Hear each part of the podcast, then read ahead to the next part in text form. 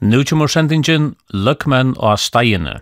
Sigur Petersen sier fra, Jekvan Arke leid til Rattus og i 1994.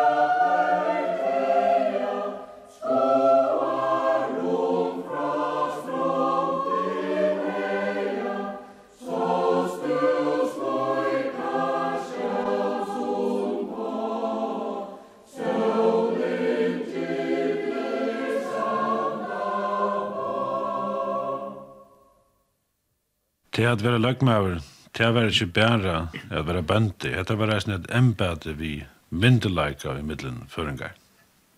Jo, sjálft løgmans embete hefur vært en krevjande oppgave. Susluting var sett imsastand i fyrjun.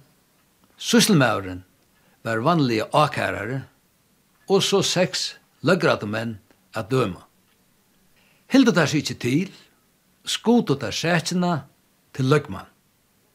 Etter søgnene heva våamenn til fyrste tøyina hilde ting av Giljanese og av Ritje og Mivai og onket i eisen i Sørvai og av Steine. Eina fer var ting sett og ta var sæk om gonguratten av Øyrajegv, nyan etter Roksdale og til Sørvås. Sandavås menn vildu fåra fölkje ur streimøtene at genga hesa leina til det skulle óregva segin. Så stad stå sæk på strur og negvaru vittne ført fram. Ein eldre kona og kvivvøk skulle sia at hon som smadjenta Eisen hei gingenda vegin, ta tei einafer, og utfer til Mykinesar. Så tei hava longu tulja i tujinni eisen ta fer utferir. Enden av sætjen var som rymlet der tann, at våra mennir og hine kom framvegis at heva gonguratten av øyrajeg til Sørvås. Men kan skulle løgmaver døma, eisene destomar. Hetta ber navnet Golgasteiner pregg om. Søgnen sier at ta i mævur var dømtur til deia, var han leitur oman i foranar, og her var ringur slien om mannen. Kunti han brauta seg ut ur ringina, og renna når vi ånne, når om gåan sa, når om Gjerakon eier, til natt hus, nøye hus, så slapp han vi løgnum. Om ikkje, var han leitur inn at golga steine og tidsin av døvun her. Hver er hessen golga steine? Golga steineren, han ligger her inne, innanfyrir nese, av marskjennom mot en muvai. Hette er en rattliga større steiner, og her hever ui gamla døvun vere goldje restur. Løgmavren, han skipa jasne fyrir løgtingsen og sår i havn. Jo, det var løgmavren som sette løgtingsen. Og ta ringte kyrkjeklokkan, skruvgonga vær, og gudstennasta var alltid hilden. Og i kvosse er den fyrsta dagen og mengan eisen hina deganar. Men hetta gavst tå vi til at uh, det ikkje alltid var så latt å få kipa fyrir gudstjenestene, ikkje alltid nå mennje prestar at prætika, så stad kom det ofta vera gudstjenesta best den fyrsta dagen. Tingsetan kunde vera stundum i flere dagar. Til mengan var negv innkommen mal og sætjer at teka støvu til. Og ta vi så hese mal mør avgreit og ikke meir vera teka støvu til, så steg løgmaur atter fram og sleit ting setanina. Og ta ringde kyrkjeklokkan atter. Løgmaur hei løgmans kamar i prestagæren ute av reine at byggvøy ta han var statter i havnen. Her var tingstovan eisene i negv år. Men i gauenvekre var tingje ofta sett ut.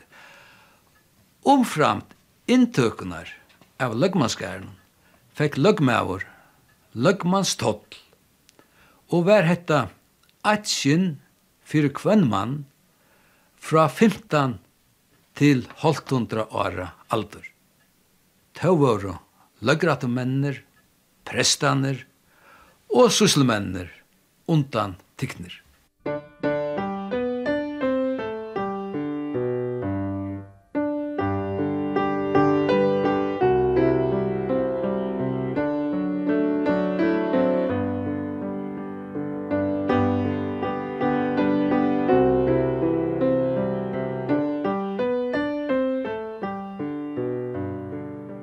til liva og hiva her vestri i Sandavaje, nekvar frasagner om tar mange og imiske lagmennar som hevor.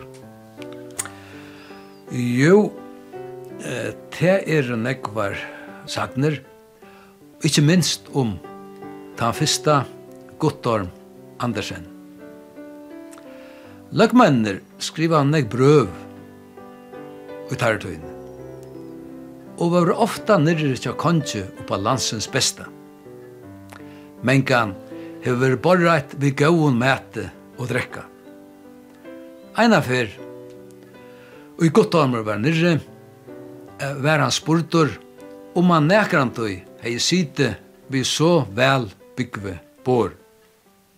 Jo, skulle guttormur sværa, ta hans at heima og i fyrjun av løgmanskæren til papanen, vi subana stampen av knøvnen. Ta i godt armor, esa somoferina kom vi kipe under Mykines, vær stille, og ut av Mykines bygd bæ løgmaver om å sleppa kasta snøre. Han kasta ei, og fekk haupen av torskje. Hetta mye ver endan det og i det nevnt gutta mi. Guttormur var eisen tja kontje som gammalmaur og fekk frihandelsløyve. Og heimvenen av hessareferiene gjørst han sjukur i Bergen, her døy han og er og i domkirkene i Bergen. Løgmennir av steiagare hesa tøyna fra 1555 til 1816 har vært 16 i tale. Ekvelig imest har vært hvordan tar hava megna at site i løgmanns sessen. Han som har site stist, sett best og hjolt anna år, og han som var langstur i løgmansdavnen, har site utemøte teim holtundra åren. Teir fyrste løgmennir var oftast vanlige bønder, medan tar sætna ofta var vellærter menn. Nekver var løgfrøyngar. Nekver av løgmannen var skilmenn, men tå var eisne flere utlendingar, som hava vært løgmenn hesa tøyina. Onkur av løgmannen var sett fra embetna, medan onkur sier seg sjálvan ur starvenen. Jón Heinason kom attana Guttorm Andersen i 1502 og sett i 11 år. Han var sonur Heine Havrika og holbrøver Magnus Heinason.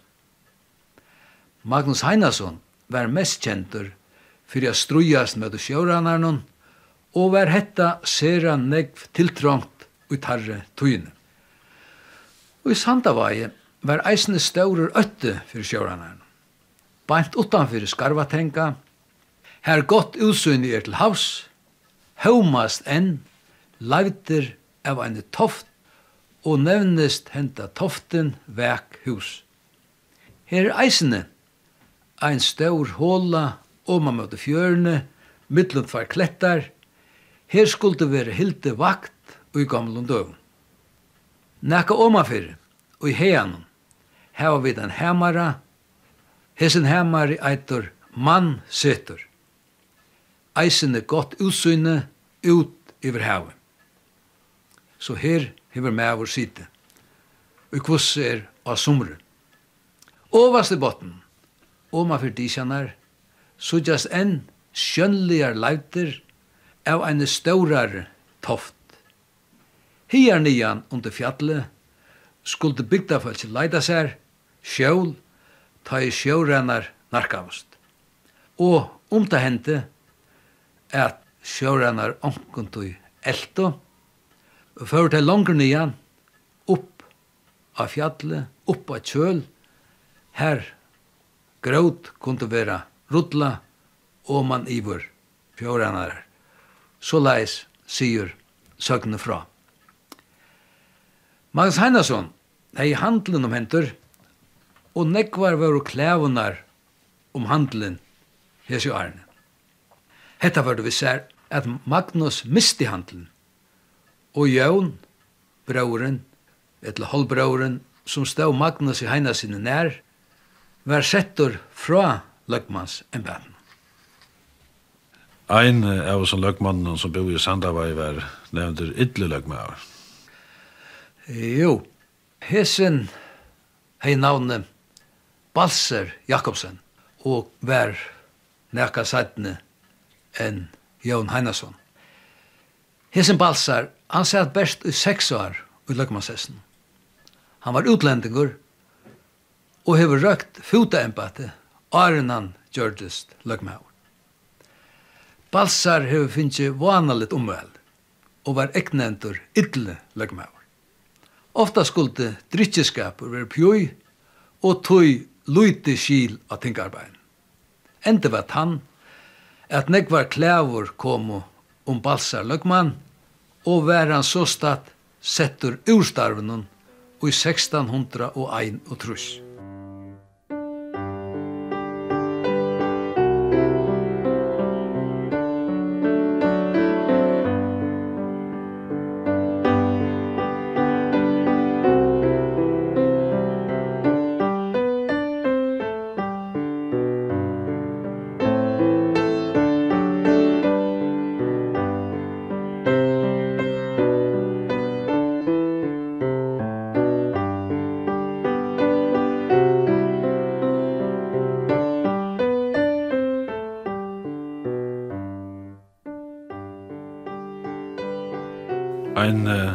annan løgmaur som det ofte har vært tidlig til, det har vært Johan Hendrik Veia. Ja, nekver av løgmannen har vært donalir og vel domter menn. Og middeltarra kunne vi sannelig nevna Johan Hendrik Veie. Johan Hendrik Veie hefur vært løgmaur i Arnon fra 1600, 1904 og til 1606. Han var systersonur Kristoffer Gabel og var stek gauur løgmaur. Han hei veri futa fulltrøve i havn og er han gjørdes løgmaur av stein. Han var eisende kønur i laknafrøy og onketøy vilde føringar hevan til lakna at rett løgmans starven. Men han var fulltrøve kom fransar inn havnene, og lautust vera fria skip, men veie hei ildgrona og faurum bor, og rattvær. Kjøtt kom hesser fransar og i land og krauta af hoa hundra oksar, 200 seier, 1200 pura av 500 pura vøttun og truss trodjur innan 12 timer. Gjald vilde tar ikke leta. Johan Hendrik Veie vilde ikke leta til som fransar krautu og rønte av ein eller annan hott er få onkran sottmalla og lea. Men onkje batte kvose han træskaist, teir vilde fram og rant og alt teir funno fra fölkje ur krambuon og ur kyrkjene. Attor var føringar vi undluta. Hetta hente og i 16 tjei og hofjers. Johan Hendrik Veie var sira gauur urstagarsmæur. Jens Christian Svapo skrivar at han rønte a få ber at vaks i fyrjun. Mittlen anna ripsber, stikkelsber, jærber, og skuldi hetta genga stek vel. Søgnen sier at han flytte målt helt ur Spanien. Og kan dette uh, tidsjast uh, nå så løye til nå av døven verur målt eisende flytt til fyrjar utan av landet. Kalein av steinen i Sandavaje var ein minstur urstagar under hansara hånd. Kvenna ahua buste Johan Henrik Veie annars fyrir bygden i Sandavaje? Veie hever som de fleste av løgmannen sunt bygdene stauran åhua og nekver hava stola kyrkjene omframt veie. Veie bær som ærer allar utreislenar av Sandava kyrkjo. Og som sagt, gjør det onker annar hetta vi. Og i 1693 gav veie Sandavas kyrkjo eina kyrkjo klokko Framan undan hei best veri ein skipsklokka. Henda klokkan, som givet vær, vær nøytt lyka til 1931. A klokkene vær skriva a latuine. Og her stendur, er god vi okkon, hver kan ta veri møti okkon. Folk hadde viring fyrir Jan Hendri Veie, og alit on. Han vildi halda landsens lover. Løgmau var illa nøgtur om prysin føringar finko fyrir sunnar vörur og kallaði til møtmælesfund i hann. Han vildi eisni hava Gabel sett han fra landsens handlen. Tøy te hei føltsi kraft. Fyrir hetta vildi Gabel hava løgmenn sett han ur løgmannsessnum. Men hesun noktaði kongur fyrir. Nu nevnte vi uh, ytla løgmann og Janne. Et annet navn som man ångt i hørt til var uh, gamle Løgmauer. Hvor var så han? Hetta var som av Petersen. Han hever Løgmauer fra 1606 til 1605 og altrus. Han var føtter i Lampa. Han var gau seiabønde og veldomter av følgjene. Og alltid var både gamla løgmanne vel. Han skulle vera hjartagauur, frisamur og gavumildur. Men kostene ein olvara maur. Medan han var løgmaur, skulle seiren vera så spekkur av stegene at han råko allan seien og i rattina heima vi hus.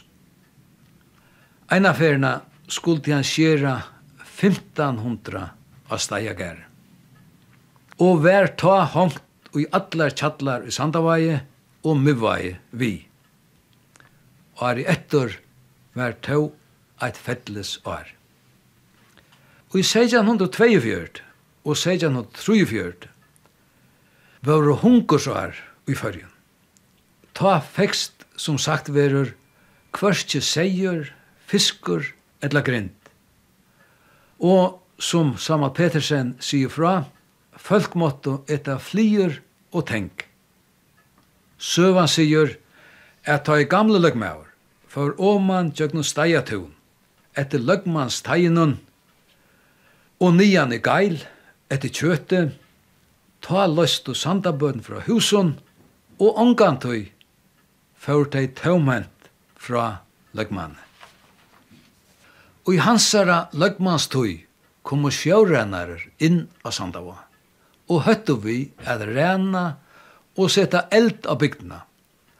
Om tar ikkje finko løgmansdøttruna ombord. Løgmansdøttren var ta krekva og gjennom torrlåte, og bå var sendt etter arabopreste, som ta skriva i sanden, og øtnar veverbrast av, skipene slito og rauko til havs og som sagt verur i sjónleisen Hans Andreas, Djurus, Løgmans, døtteren av steg, brått om so tenka. vidla, vekra, våa hev, staurer skulle sjekvar genka, avur solen fyrir kev. Brym mot brøtton, bjarga, barme, oisujøye, breie hev, let i hevndar harme, tøyne gåtur stikje av. Alla segl, og kvets og spenne, kvirla oman heldars tint, genga brott vi bleikun enne, bannair om heljar grind. Brot om klåning, nes og tenka, øyesmikla, våa hev, staurer skulle sjekvar genga, kvetta bor og bitar av.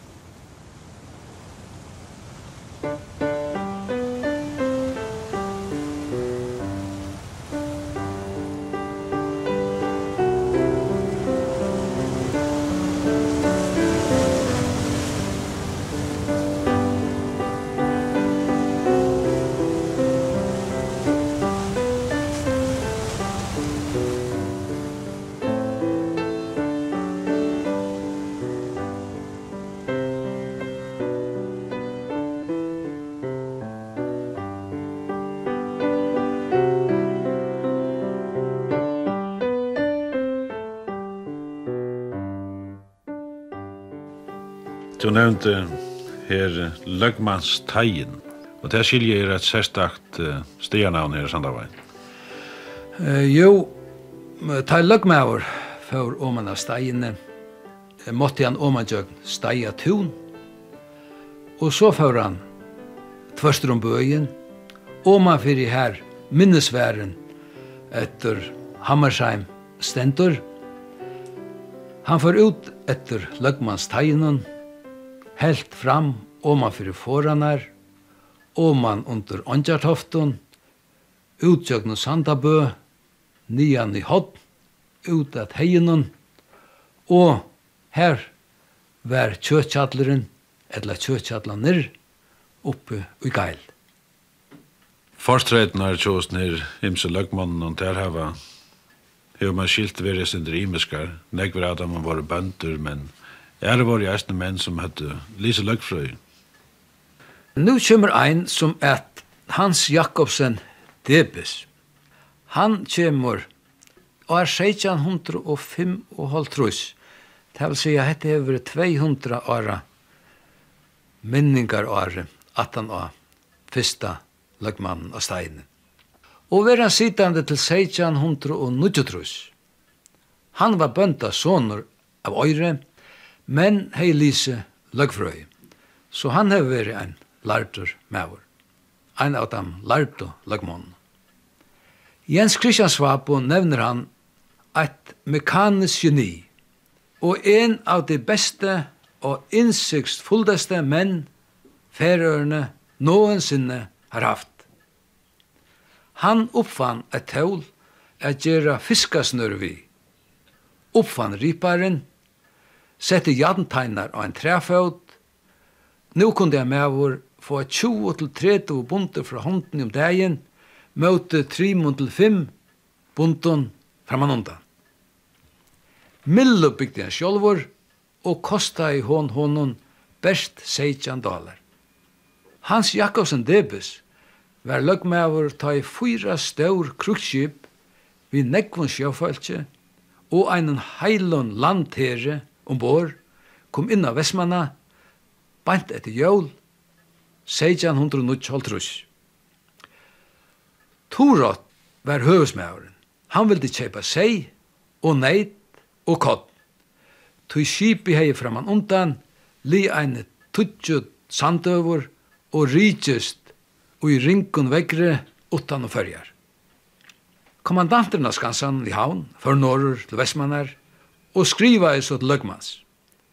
Løgmaur fekk i skunde, sauna, hundral trusseier og 25 neid, og sendte menn av futaklett vid gongene. Heser måtte boja norri av futaklette og i trui samtøver, og skiftast om at halda vakt, åren tar finko alt iver om, fyrir kavarøtje og au vegre. Sætne fingur der så attur 13 neit og tveir oksar fra løgmannen. Men tær vil hava meir enn. Og så fekk løgmaver trusneit og 400 seier ur estrøyden og streimøyden. Prusren tar finko var 8 til 90 gytlen fyrir hana kikv og trutjar marskar fyrir en seg. Løgmaver fekk nu morrat at senda brev til handelsforvaltaren. Hese morrat, han var messum som våren avklarer vi fransanar, og så stad fekk løgmaveren han at færa vi som brev til handelsforvaltaren og bya omhold trustunner av bytje. Og ta finko til reisene. Og så igjen sættene sendte handelen oppater meira norr. Skipet for ikkje sted atter for en 26. januar 1603. Hans Jakobsen Debes skriva en negv brøv til kong og vildi av avbøter her i kravdest. Han vildi hava seien i fela og ikkje kjenning som er vildum. Han vildi hava kong at av handelen, og ikkje handelsfele.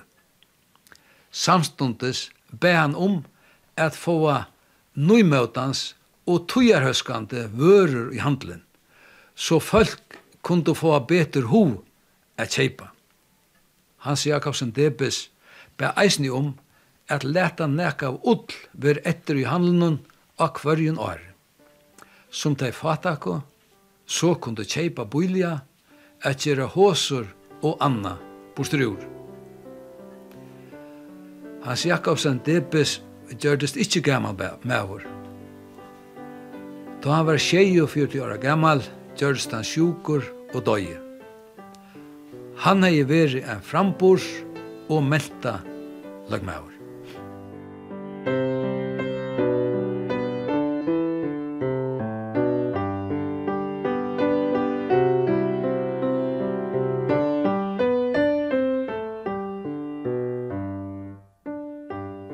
De fleste løgmennene som du her til hever nevnt har vært føringar, men det var jasni utlendingar, til dømes danskare som var løgmenn og ære.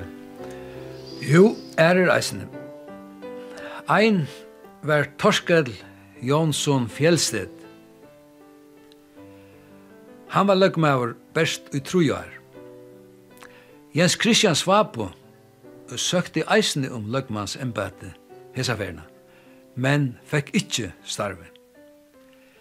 Fjellstedt var uslendigur. Han var vellartur lagfrøyngur og sonur prøvstinn og hólun i Skagafyrdi. Og i 1642 gjørdest han og i Finnmørskjene. Jakob Benson Veting kom så 18 år, 1642, og var han til 6 og furs. Han var eisenløgfrøyngur og normaver.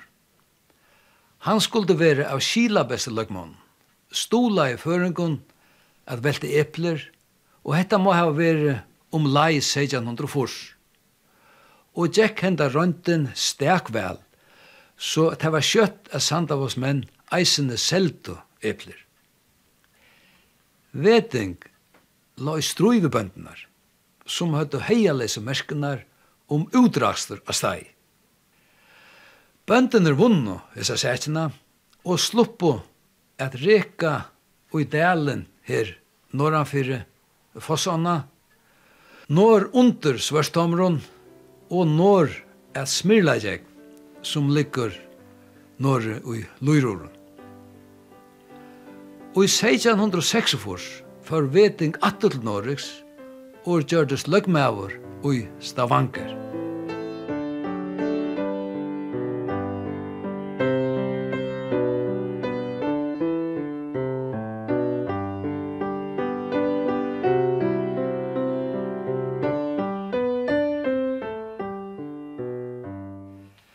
Sujane kjemur, jo, han Mikael Lund.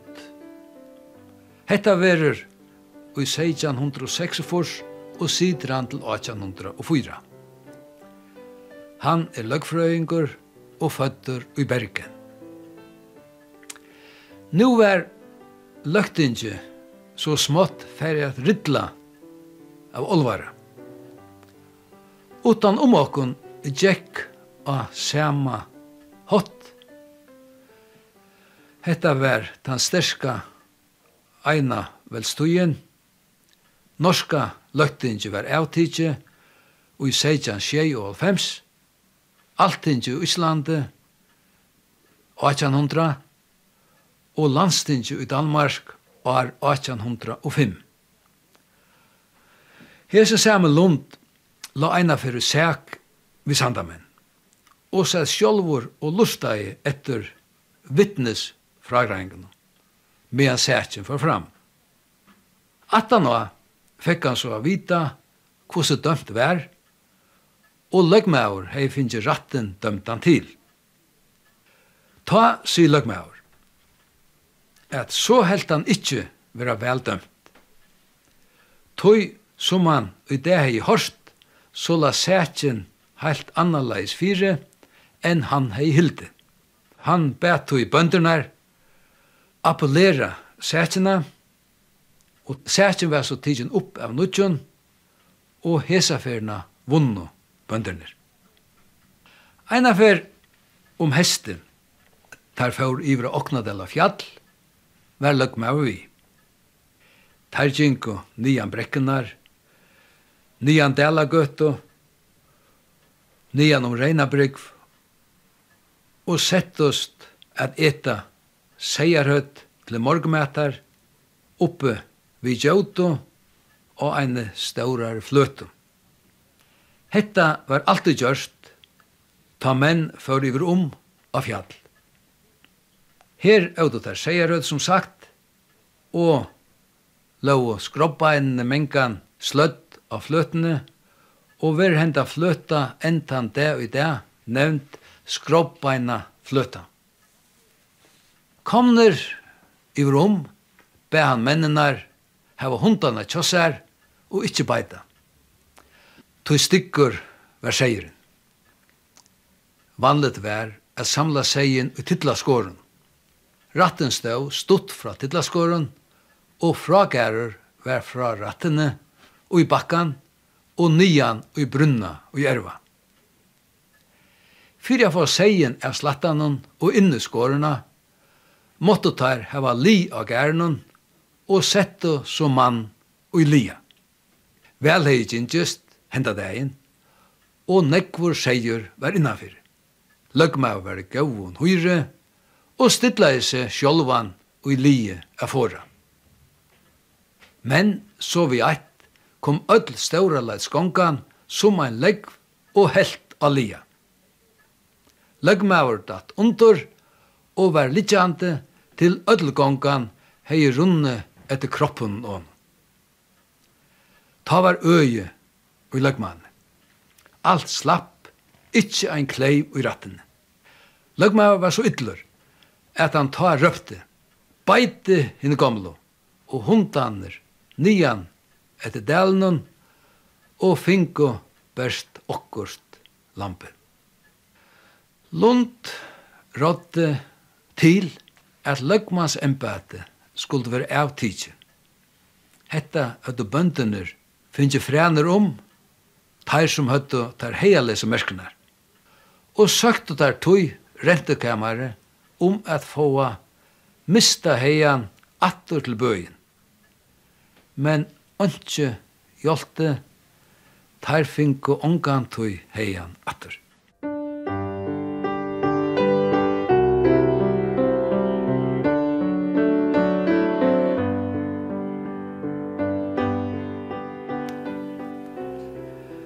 Jørgen Frans Hammersheim vært han seinaste av Løkmunnen og Stein.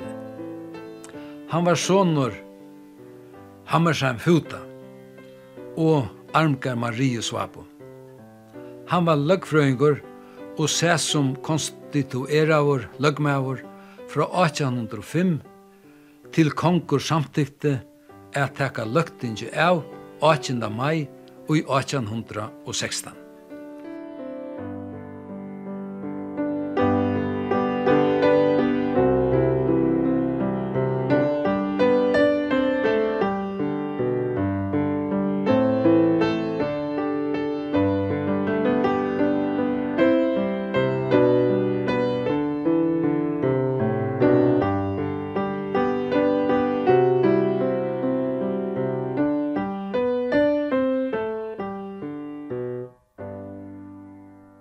Hesa tøyna vid hera var tosa um og til steien var selt, sett Niklas og stei som oppsittare av steiagar. Niklas og stei var komin ur Kotlafire, her han ei bo saman vi konene og sjóar gær. Og bo det her i Sandavaje og i toftene norr mot Milan. Jørgen Frans Hammersheim døye i 1820.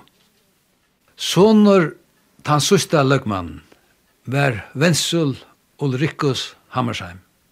Prøstor, han er fødder av steine og i 1819. Og så statt best trojara gammal ta stein vere selt i 1822. Seinas løgmavren og konan Armgær Maria var å sera vel lutt i Sandavai. Og vær hetta ein sorgardavur, ta i løgmans konan, før vi bøttenon, sononon Vensele og døtrene Mario Loviso av steine. Og man tjøgnu steia tun, man etter gære, og ut i hølk av ve til havnar. Staurur måtte sakneren kjennast, nu løgmas huske flutte av gære. Her hei bygdafölkje hav strøvnar og rykar løtur. Og mengan kjent seg vel av løgmannsgærnen. Tui kjendist det svårst, nu stilt vær i steia tune, og løgmannshusene ståa tøm. Tan mest tujande totteren i og søvo var komen at enda.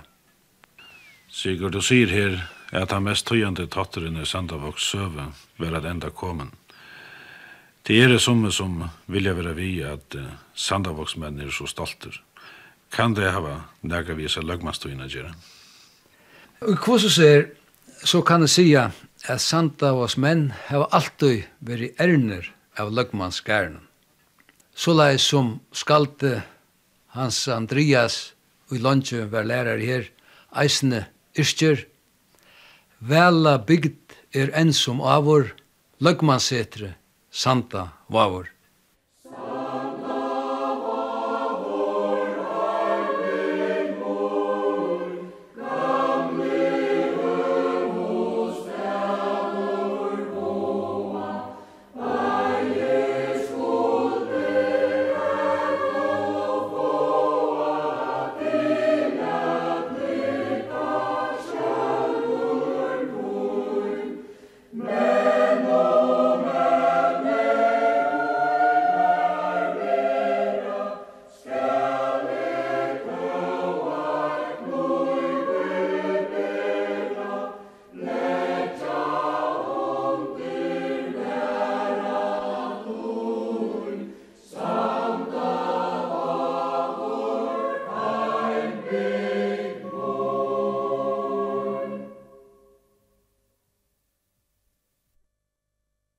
Hatta var sendingen Løkmen og Steiene. Sigur Petersen grette fra, Jekvan Arke leie til rattis.